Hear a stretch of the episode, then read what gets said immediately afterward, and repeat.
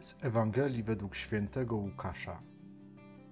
Jezus powiedział do pewnego przywódcy faryzeuszów, który go zaprosił: Gdy wydajesz obiad albo wieczerzę, nie zapraszaj swoich przyjaciół, ani braci, ani krewnych, ani zamożnych sąsiadów, aby cię i oni nawzajem nie zaprosili i miałbyś odpłatę.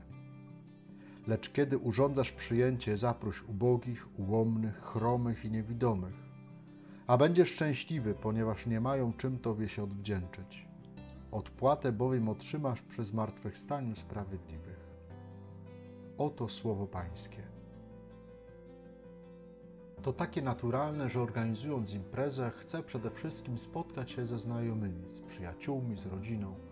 Chcę swobodnie rozmawiać i śmiać się, po prostu dobrze się bawić, być z tymi, przy których nie muszę nikogo udawać, być u siebie. A Jezus mówi, że zrób coś absolutnie szalonego.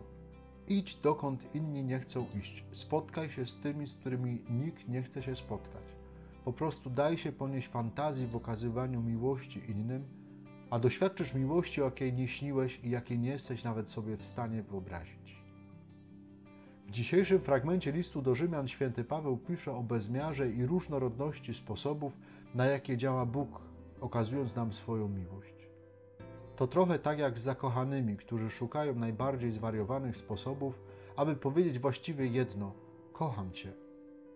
Ileż w tym wszystkim fantazji, pomysłowości, spontaniczności. Tak właśnie działa Bóg względem człowieka. I jedyne, czego chce, to tego, by mu na tę miłość odpowiedzieć w sposób równie szalony i pełen fantazji.